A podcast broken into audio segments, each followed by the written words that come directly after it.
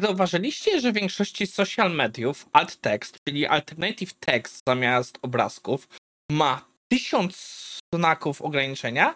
Czy ktoś może wziął trochę za bardzo dosłownie, że jeden obrazek jest warty tysiąc słów i zamienił to na tysiąc characters? Możliwe.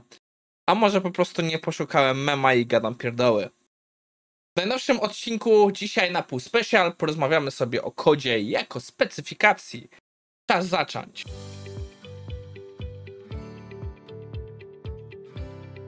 Cześć, nazywam się Maciej Wyrodek, a to jest IT Pool Special na 21 lipca 2023.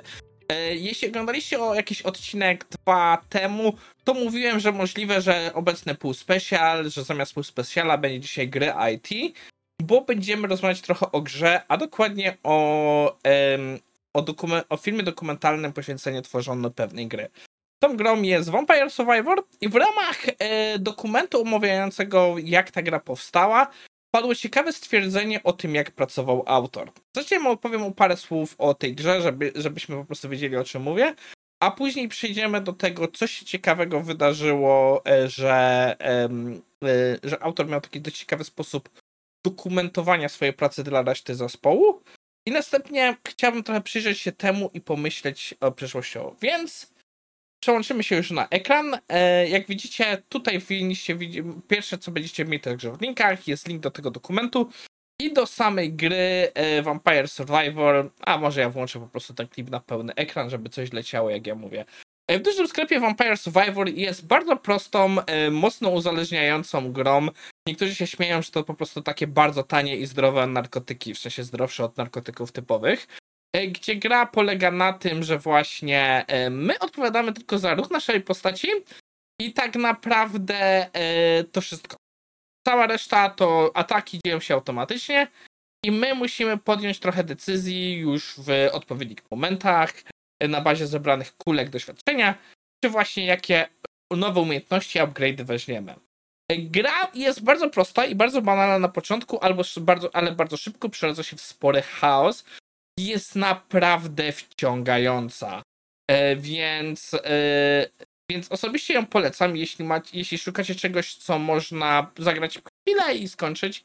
W odpowiednich ustawieniach ta gra trwa około 15 minut. Normalna gra, jak idzie nam dobrze, trwa z 30 minut, więc jest to taki trochę fajny o, o, przerywnik od e, na przykład jak chcemy się zrelaksować i od kompletnie odmurzyć. Zwłaszcza, że jest ona bardzo niewiele wymaga, więc e, powinno pójść na praktycznie wszystkim sprzęcie. Ale e, skoro już omówiliśmy więcej grę, to trochę tutaj chciałem powiedzieć autorze. Bo, bo autor między innymi e, pracował przy grach hazardowych i wiele osób twierdzi, że tak naprawdę, że to, że ta gra tak wygląda, ma po prostu tak wciąga przez to, że ma takie elementy uzależniające, e, które stymulują nasze środki dopaminy, jak właśnie te latające monety i tak dalej, zawdzięczane jest doświadczeniu właśnie z grami hazardowymi autora. Jest to możliwe, chociaż wydaje mi się, że autor nie korzystał z tych doświadczeń celowo. W dużej mierze gra zaczęła jako po prostu projekt na odstresowanie, robienie czegoś kreatywnego po godzinach przez autora. I autor zaczął e, w ogóle koncept od tego, że chciał jak najszybciej zrobić prototyp. Wy, wyklikał to po prostu, wymyślił jak najprostszą koncepcję na grę, którą da radę zrobić i w języku, który znał dobrze, czyli tam właśnie JavaScriptie, zaczął coś takiego kombinować i tworzyć. E, gdzieś w pewnym momencie grę rzucił na Steama, później gdzieś podłapał to jakiś e, streamer, któremu się spodobało i gra eksplodowała. E, no więc kończył swoją obecną pracę, zatrudnił parę osób, z którymi współpracował wcześniej jako freelancerzy, i między innymi oni zaczęli przepisywać tą grę na bardziej sensowny silnik. Bo autor, jakby wiadomo, to był taki mały prototyp, nigdy nie zakładał, że gra wybuchnie jak wybuchnie i, potrzeb- i było trzeba o wiele więcej backtestingu, więcej rozwiązań do zrobienia. No i powstał bardzo ciekawy sposób rozwoju gry. Autor robił wszystkie nowe featurey, wszystkie swoje nowe pomysły, wszystki nowy content dalej w JavaScriptie. Ale yy, właściwa gra, którą ludzie korzystają, już nie jest w JavaScriptie. Ma jakiś inny silnik, chyba ostatnio miał kolejną zmianę silnika. I tak naprawdę tego pomysły już zespół przekłada na, e, na właśnie właściwą grę. Tu się dzieje ciekawy pomysł. Autor właśnie po tym wszystkim patrzy z tej perspektywy, że on e, po prostu nie pisze im dokumentacji, nie pisze nic innego. Oni mają dostęp do kodu, mogą zobaczyć, co on tam zrobił w tej wersji JavaScriptowej, jak to działa i na bazie tego e, przepisują. Więc ten z nas może od razu pomyśleć, Jezus, to jest praktycznie e, praca z legacy kodem, gdzie ktoś daje nam specyfikację, ma działać tak, jak działało wcześniej. No różnica jest taka, że tutaj mamy historię komitów, co się zmieniło w ostatnim czasie i możemy i zobaczyć to w grze i możemy zobaczyć w kodzie, bo zmiany w większości wypadków przez to, że on robi tak naprawdę już bardziej content, nie są aż tak drastyczne. No i dało mi to trochę do myślenia, bo jest to ciekawy sposób. Autor wyjaśnia swoje podejście w ten sposób dokumentacja jest zawodna. Dokumentacja jest otwarta na interpretację, z dokumentacji wynika o wiele bardziej kodów, ale jeśli już masz działający feature, który możesz zobaczyć i możesz zobaczyć jego kod, to tu już nie ma żadnych miejsc na, na niejednoznaczności. To ma jeden właściwy sposób działania. Jeśli dodamy do tego jeszcze faktycznie pokrycie testów, nie wiem, czy tam jest pokrycie testów, to już w ogóle jest bardzo mało tej niejednoznaczności. I dało mi to do myślenia. W obecnej chwili większość firm na coś takiego sobie nie pozwoli. Dlaczego? No większość produkt ownerów nie jest dość techniczna, żeby napisać kod.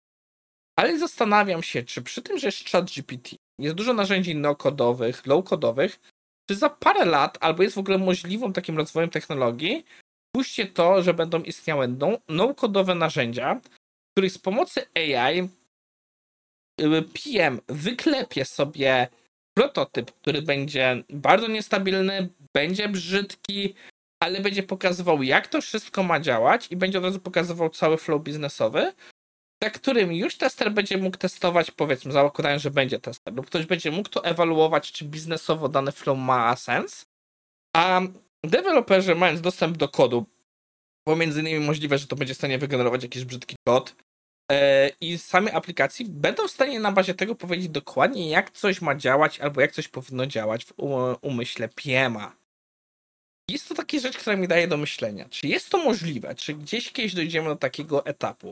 Jasne, następnym krokiem w przód będzie to, że jak już PM będzie w stanie tak zrobić i będzie w stanie e, zrobić to na tyle dobrze, że on powie, że to good enough, nie potrzebuje zespołu, żeby to utrzymywał, to wyrzuci to na produkcję i będzie e, i będzie później e, miał w taki sposób zrobione narzędzie. Co mi się wydaje, że też gdzieś kiedyś do tego dojdziemy, że dojdzie etap, że będą tylko creative people i cała rzecz techniczna już będzie albo ogarniana przez AI, albo przez pojedynczego speca, ale myślę, że do tego to jeszcze dalsza droga. W sumie tak mi to daje do myślenia. Nie mam na razie jeszcze odpowiedzi na to pytanie, dlatego jest to taki bardziej odcinek IT Morning z przemyśleniami. Czy to ma sens? Wydaje mi się, że chciałbym to kiedyś spróbować. Chciałbym kiedyś spróbować, może wyklikam sobie w jakimś no-codzie jakieś e, proste flow, i, I dam komuś jako zadanie, że na bazie tego właśnie wyklikanego flow miałby to zrobić jakoś bardziej solidne narzędzie. Może jest jakiś pomysł na Kata kiedyś na przyszłość. Dajcie znać w ogóle, co o tym sądzicie, jak wy to widzicie. Czy wy uważacie, że takie rzeczy będą działać, jednak em, no jednak w tym wypadku będzie zawsze to rozdzielenie od tego człowieka z ideą oczywiście mówię w większych firmach, od, do, od człowieka z ideą, od tego, co implementuje i zawsze będziemy polegać na dokumentacji w cudzysłowie papierowej, czy opisach słowno-muzycznych. No i to wszystko na dzisiejszy odcinek półspecjalny. Widzimy się w poniedziałek, więc życzę wam miłego weekendu. A jeśli oglądacie to po czasie, to życzę wam miłego, kiedykolwiek to oglądacie. Do zobaczenia.